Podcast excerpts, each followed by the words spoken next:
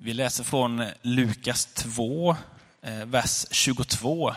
Och ni med Sarons röda biblar finner det på sidan 725. När tiden var inne för deras rening enligt Moses lag tog de honom till Jerusalem för att bära fram honom inför Herren. Det står nämligen i Herrens lag att varje förstfödd av mankön skall helgas åt Herren och för att offra två turturduvor eller två unga duvor, så som det är föreskrivet i Herrens lag. I Jerusalem fanns en man vid namn Symeon som var rättfärdig och from och som väntade på Israels tröst. Helig ande var över honom och den heliga anden hade uppenbarat för honom att han inte skulle se döden förrän han hade sett Herrens Messias. Ledd av anden gick han till templet och när föräldrarna kom in med barnet Jesus för att göra med honom som det är sed enligt lagen tog han honom i famnen och prisade Gud och sa Herre, nu låter du din tjänare gå hem i frid som du har lovat. Ty mina ögon har skådat frälsningen som du har berett åt alla folk. Ett ljus med uppenbarelse åt hedningarna och härlighet åt ditt folk Israel. Hans far och mor förundrade sig över vad som sades om honom.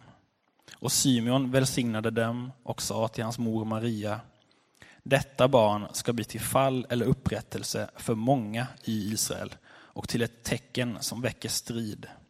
Ja, också genom din egen själ skall det gå ett svärd för att mångas innersta tankar ska komma i dagen.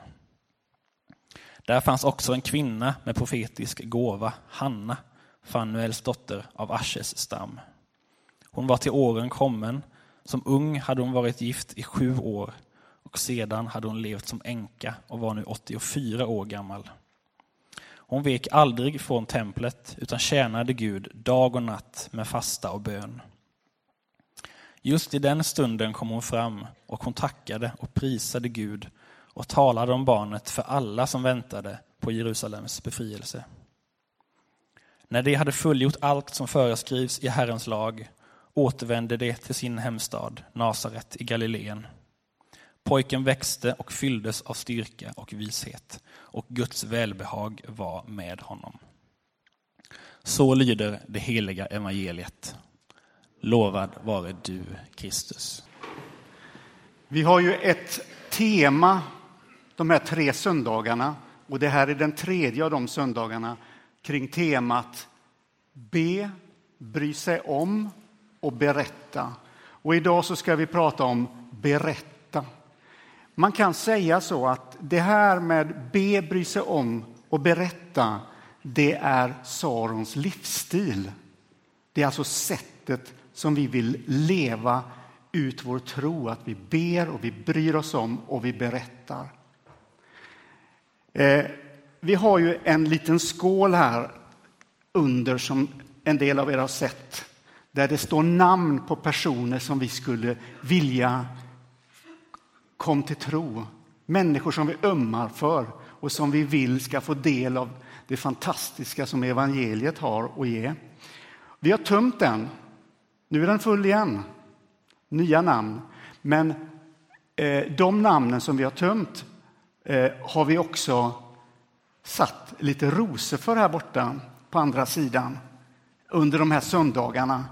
Eh, vi har en liten bukett här nere med rosor och då uppmanade vi er att är det så att under året att det är någon som har kommit till tro av dem som vi har burit upp i bön här i församlingen så, så sa vi så här att men ta en ros och sätt den här i, i vasen så får det representera den personen. Och här har vi en elva stycken, elva stycken rosor som står. Så att när vi kommer längre fram i gudstjänsten så finns det möjlighet för dig om du kanske inte har varit här på ett tag eller så där och kommer på ja men den personen som jag har bett för och som vi har bett för här, den har ju kommit till tro. Ta då en liten ros och sätt den här, här i buketten. Och vill du skriva ner, ner fler namn eh, idag så finns det lite sådana här gröna lappar där du river av den på mitten och på ena så skriver du namnet och lägger där och sen har du en, en spegelkopia som du kan spara på i ditt eget böneliv. Så det kan du också göra sen under gudstjänsten.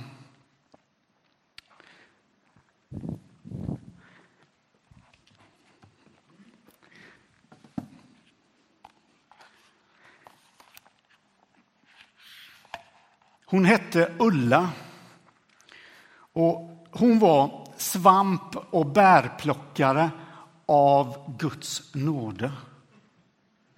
Så tyckte man. Hon var känd i bygden för att bli lätt aggressiv om någon kom nära hennes hemliga svampställen. Alltså svamp, det var det värt att skydda. Hennes svamp, det vill säga. Om hon så hade haft en pistol riktad mot pannan skulle hon inte röja sina svampställen. Detta är dagens sanning. Det skulle vara som att förråda sin familj, sitt land eller något sånt på den nivån. Så var det. Okej, visst fanns det lite oroande förföljelsemani över henne. Men hon hade i alla fall sina svampställen för sig själv. Och det viktiga var att ett svampställe, det röjer man inte. Det har man för sig själv. Men Gud är annorlunda. Ursäkta mig, Ulla. Så är det. Om Gud skulle bott i Västerbotten, som jag tror att många västerbottningar skulle tycka var en tilltalande tanke, så skulle han inte ha sina svampställen för sig själv. Därför att Gud är i sin karaktär, i, sitt, i sin person en sådan som delar med sig, som bjuder in oss människor i sin stora generositet. Bjuder in oss människor till platser i livet där vi får möjlighet att komma närmare ljuset. Och precis så var det för Symeon i dagens evangelietext. Det var ju inte som att trycka på en knapp för honom, utan han fick ju vänta. Han hade någonting i sig. Han gick och väntade ett liv på ljuset, att det skulle komma. Och han längtade. Och nu var han en gammal man. Och vi läser att han väntade på Israels tröst.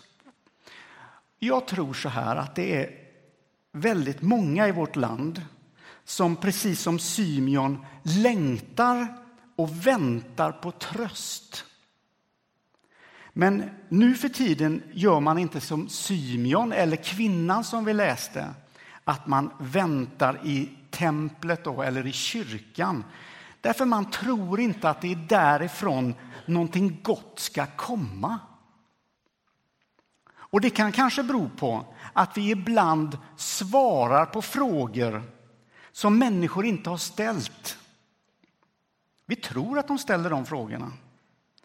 Alltså, vi har paketerat evangeliet på ett ganska obegripligt sätt.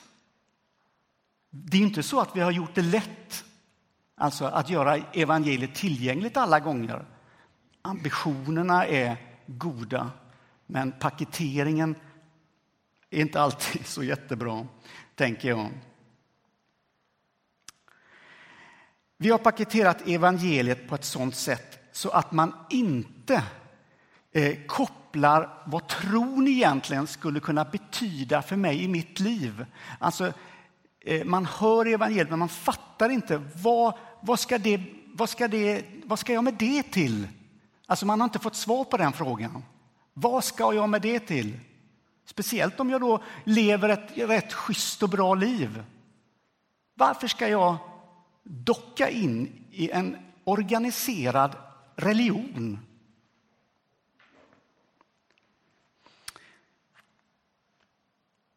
Den finlandssvenske väckelsepredikanten Frank Mangs. Nu ska jag bara göra en test. Hur många vet vem Frank Mangs är? Det är ju jättemånga. Jag tänkte att jag kommer med ett nytt namn här. Nej, till och med ni unga. Det är ju länge sedan han gick bort. Han har reflekterat över detta på ett väldigt intressant sätt. Och han skriver så här, lyssna på detta. En, det skriver han 1937 ska jag säga, så det är länge sedan, men det är väldigt aktuellt. En modern nutidsmänniska går inte att frukta för helvetet och längta till himlen utan hon begär något som i detta nu kan lösa hennes tillvaros invecklade problem och ge henne någonting att leva för. Det finns procentuellt fler levnadströtta människor i våra dagar än någonsin förr, skriver han. Därför är det också det stora behovet idag en frälsning som inte bara gör människan redo för döden utan istället gör henne redo för vad då? För... Vad sa ni? Ja, för livet. En frälsning som gör henne redo för livet. Så det Frank Mangs uttrycker det är väldigt tidlöst och beskriver mycket om vår egen tid också. Så skillnaden mellan 1937 och 2016 är ju ganska liten egentligen. Men det som jag bekymrar mig för och, och bekymrar mig för det är att mina vänner inte ser att evangeliet skulle ha en positiv plats i deras liv. Man ser inte vitsen med att tro. Kanske har för få människor samtalat med dem på ett sätt så, så att de har förstått. Ibland är det så, nu är det inte alltid så, men vi tänker ja, jag ska vittna, jag ska berätta om detta och sen så levererar vi det här. Vi berättar det och sen känner vi en lättnad. Nu har jag, nu har jag gett den här personen evangelium.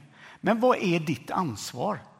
Det är ju egentligen inte bara att ge evangeliet, utan det är ju att, att göra evangeliet begripligt. Vi kan ju inte gå därifrån och sen så har vi gett dem ett stort paket som de inte kan öppna. Man måste, man måste ju se till att det blir begripligt.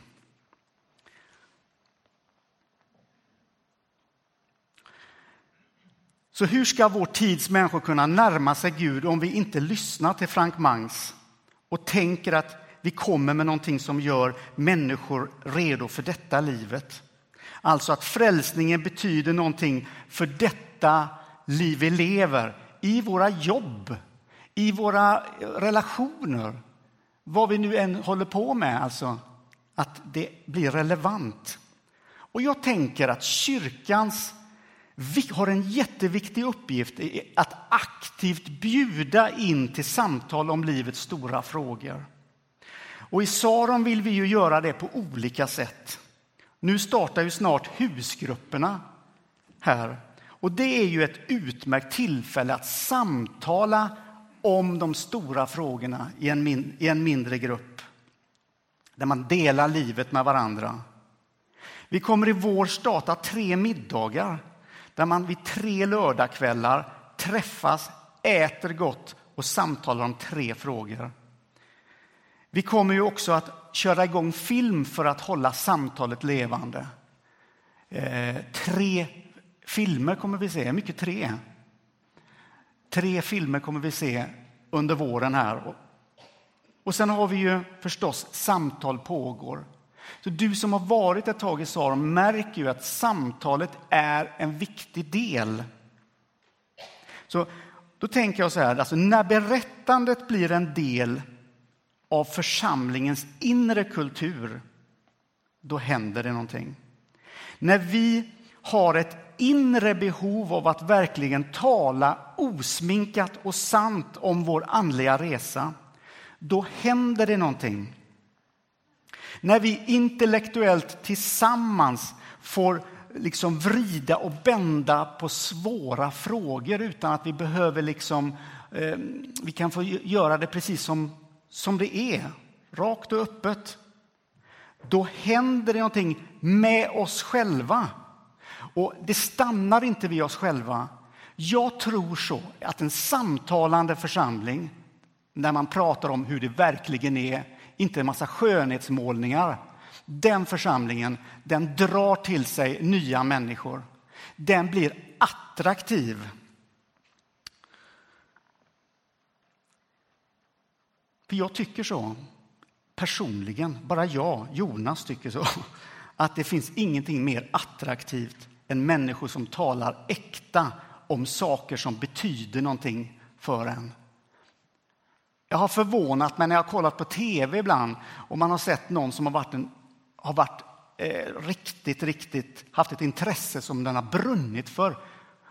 Och, och det är ju underbart att se människor som brinner för någonting. Det kan ju vara vilken konstig, eh, så, någonting som man själv inte förstår någonting av. Men finns det en människa som brinner för det, då, då, då blir jag intresserad. Då, det drar till sig. Så nyfikna människor, en nyfiken församling, det är mumma i, i Guds rike. Får man uttrycka sig så slarvigt? Men det är det. När Björn kom till tro så skrev han ett brev till sina pastorer som handlade just om det här. Han skrev så här. Tack för att ni var så fina och bjöd mig med i era samtal. Så börjar han brevet. Det betyder jättemycket. Jag trodde inte att man samtalade så mycket i kyrkan. Jag har lärt mig av er att ingen är färdiglärd. Inte ens Gunnar, fast han tydligen varit kristen väldigt länge. Och sen fortsätter han. Jag får både vara vetgirig och ofärdig som någon av er uttryckte det. Er nyfikenhet gjorde mig nyfiken. Kanske tänker du att ja, men jag skulle vilja samtala mer, jag skulle vilja prata mer om den stora berättelsen. Om Guds kärlek, om människans längtan. Om människan som når fram men som också ofta känner att man alltid är halvvägs. Den sanna berättelsen. Kanske du känner att du skulle vilja göra det. Men så har du kommit av dig. När du tittar på ditt liv så märker du att jag är, jag är väl ingen som delar med mig så mycket. Och så säger du kanske så här, ja men mitt liv speglar. Mitt liv speglar Eh, Gud och evangeliet. Och så är det. Det du gör, handlingar, allt detta, din livsstil är ju jätteviktig. Men vi är många som har satt, eh, eh, som har låst munnen. Munnen är inte riktigt med längre i förmedlandet av tro. Vi har kommit av oss. En del har bilder inom sig som vi minns, eh, som inte vi vill vara med om. Evangelisation som en slags försäljning. Att du kommer dit och bara ska tok-evangelisera. Eller att du själv har känt att du har gått på, på pumpen när du har pratat med folk. Att, du, att det, har, det, har, det har känts väldigt jobbigt. Att sådana saker gör att det ligger i botten av dig och skvalpar. Som dåliga minnen. Jag vill säga det idag, att Gud vill befria dig från det som, som de bilderna du har. De bilderna är ingenting som Gud vill att din hårddisk ska vara full av. Han vill sätta in nya bilder. Han vill skapa en ny, ny tro på samtalet. Han vill sätta in dig rakt in i det här stora frälsningsverket som han håller på med. Han håller på med något enastående här på jorden. Han drar människor. Han är den stora magneten. Och du får vara med här. Men rensa hårddisken. Tappa inte modet. Jag tänker så här att när vi möter människor, arbetskamrater, vänner, vad det nu är, när vi börjar prata. Det är så viktigt att ha en djup respekt för dem vi möter. Att vi skapar ett utrymme av respekt. Man känner det direkt om någon inte respekterar en. Jag tänker på den här berättelsen när Jesus eh, möter kvinnan vid Sykars brunn. En kvinna som liksom var väldigt, eh, hade ett väldigt tjorvigt liv och rörigt liv. Och, det var inte saker som fungerade i hennes liv. Men Jesus möter henne med respekt. Han möter, han ser henne. Och det märker man tydligast genom hennes egen reaktion. Det är när någon inte ser, med, med, ser på en med respekt, då blir man ihopkrökt. Och då, då, då, då känner man att man inte alls får utrymme. Men hon, hon, är, hon har ändå i det samtalet en rak rygg. Så när du talar med människor om Gud, låt människor få ha en rak rygg. Se till det, att den, att den människan sträcker på sig.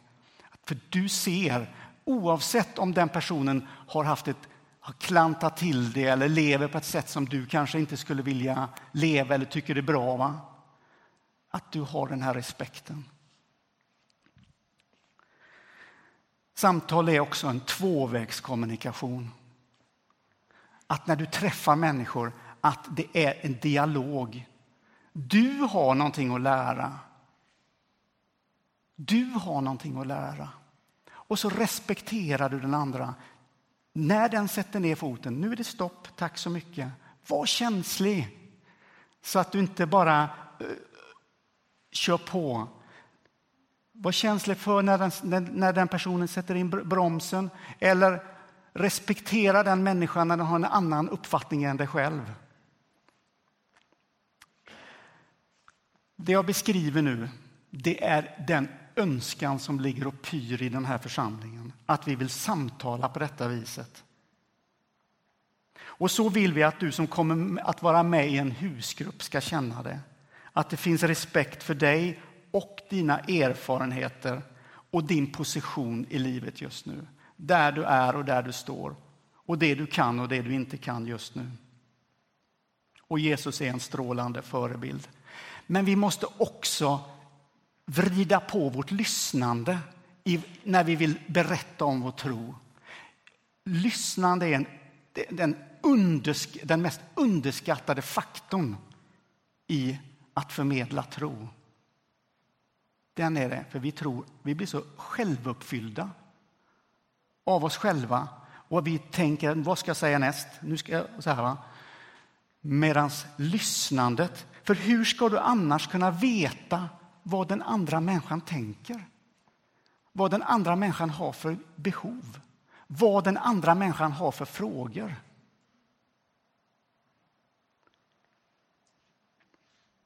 Det är så oerhört lätt att bli självuppfylld när man delar tro.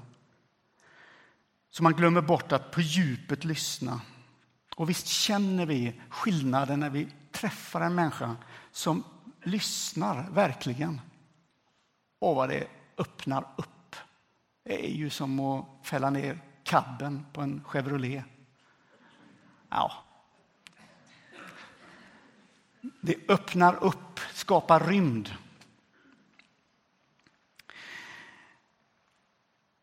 Wilfrid Stinnesen säger så här att riktig växt och utveckling sker först när jag släpper taget om mig själv.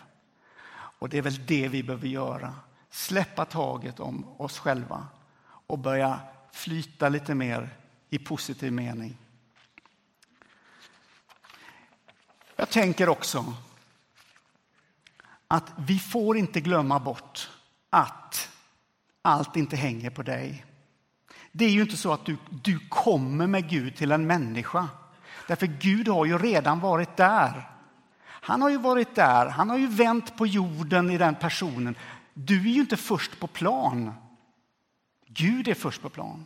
Du, du kommer in i någonting som redan pågår i ett samtal med en annan människa. Och Gud tänker, ja men jag, jag, jag vill använda dig här i detta.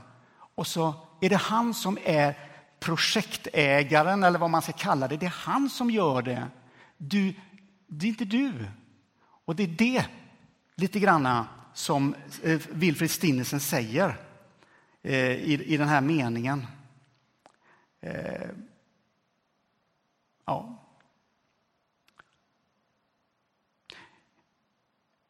Allt hänger inte på, på dig. Och Det kan vara skönt att vila i den helige Ande och vila i att när du nu framöver, för det hoppas jag, att du börjar på att testa. Du behöver inte skriva ett, ett avtal att du, att du ska prata med alla du möter om Jesus. Men du kan börja i det lilla och, och, och vila i att den helige Ande kommer att leda dig. Har du vågat be den bönen? Gud, led mig till en människa idag eller den här veckan. Eller du kanske inte orkar så många. Du kan väl börja, Gud leder mig till en människa den här månaden.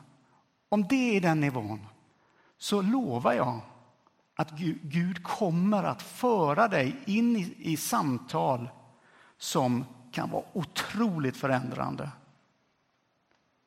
för, den, för, för, för både dig och den andra. I Johannes 15 15 och 16 där står det så här. Ni har inte utvalt mig, utan jag har utvalt er. Och Det här vänder ju på att det är inte vi. Han har utvalt oss och han har bestämt er till att gå ut i världen och bära frukt, frukt som består. Han har bestämt, du kan vila i det. Han har bestämt att det ska bli frukt kring dig. Jag vill också bara läsa Johannes 15 och 15 som är lite tidigare. Där det står så här. Om någon är kvar i mig och jag i honom bär han rik frukt. Nyckeln är att bli kvar. Var kvar i, i Jesus.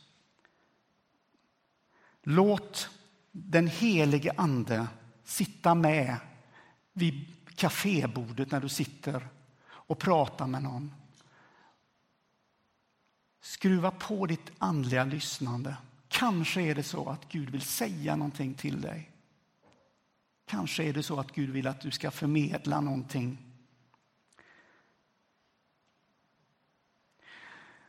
Och jag tänker att dina erfarenheter som du har är någonting fantastiskt att dela med dig av.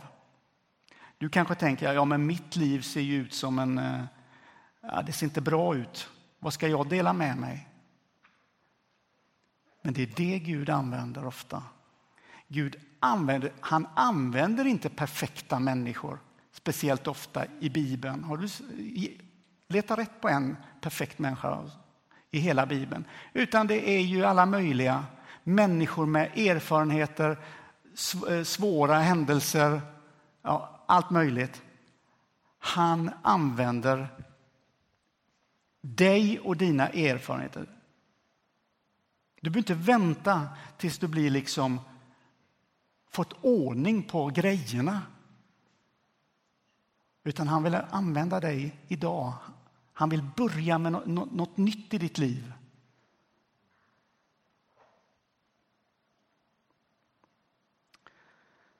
Det är mycket lättare för oss att säga att våra liv ska spegla Kristus. Men vår mun, jag skulle önska att du börjar fundera på det. Eh, om din mun är i Guds tjänst. Om han har access till din mun, till det du säger. Vad är det som kommer ut här i ditt liv genom munnen? Be till Gud och säg till honom att jag är rädd. Jag tycker inte om, jag tycker det är svårt. Men lägg du saker i min mun som du vill att jag ska säga. Använd mig. För vi är inte tänkta vänner att hålla vår tro för oss själva. Vi är tänkta att vara transparenta i vår livsstil och i vårt tal. Att liksom Guds kärlek blänker igenom våra liv. Men när vi stänger munnen då stänger vi också möjligheten för Gud att säga saker till människor. Det vi, det vi förankrar oss i det är att Gud är den här generösa guden. Han är inte snål med att dela med sig. Han överflödar alltid. Och han har så oerhört svårt att hålla saker för sig själv.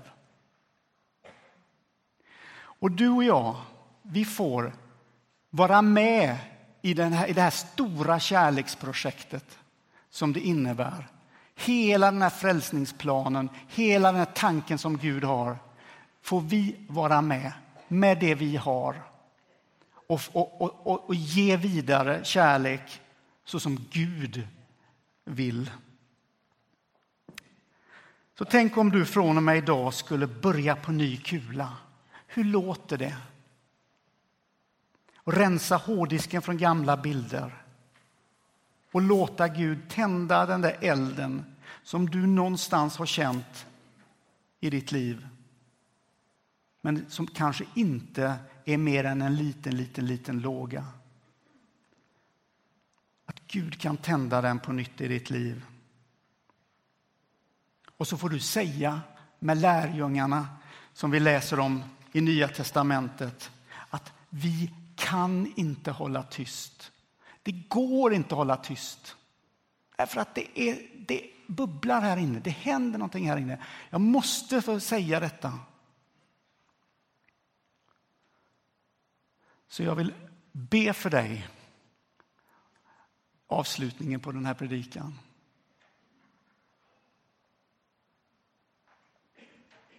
Jag vill be för dig. Be för ditt liv, din vår. Amen. Herre, idag vill vi, vi vill be Gud om att du ska öppna, öppna våra perspektiv. Vi vill be Gud att du ska tända den där elden inne i hjärtat. Herre, tack att du hela tiden vill börja om med oss. Tack Gud att du inte är någon som pekar finger och, och gnäller på oss. Utan du bara varsamt lyfter oss upp och pekar ut riktningen. Herre, gör någonting genom Saronkyrkan, genom oss som individer. Herre, hjälp oss att hålla ett levande samtal, äkta och ärligt, Gud. Herre, vi vill se människor komma till tro. Vi vill se människor bli förvandlade. Herre, vi vill se människor gå från mörker till ljus. Herre, vi vill se människor få tillbaka hoppet igen. Herre, vi vill se människors relationer bli hela och friska igen. Herre, du som är livets bröd, livets vatten. Herre, låt ditt vatten finnas här i vår församling. Vi ber om det i Jesu namn. Amen.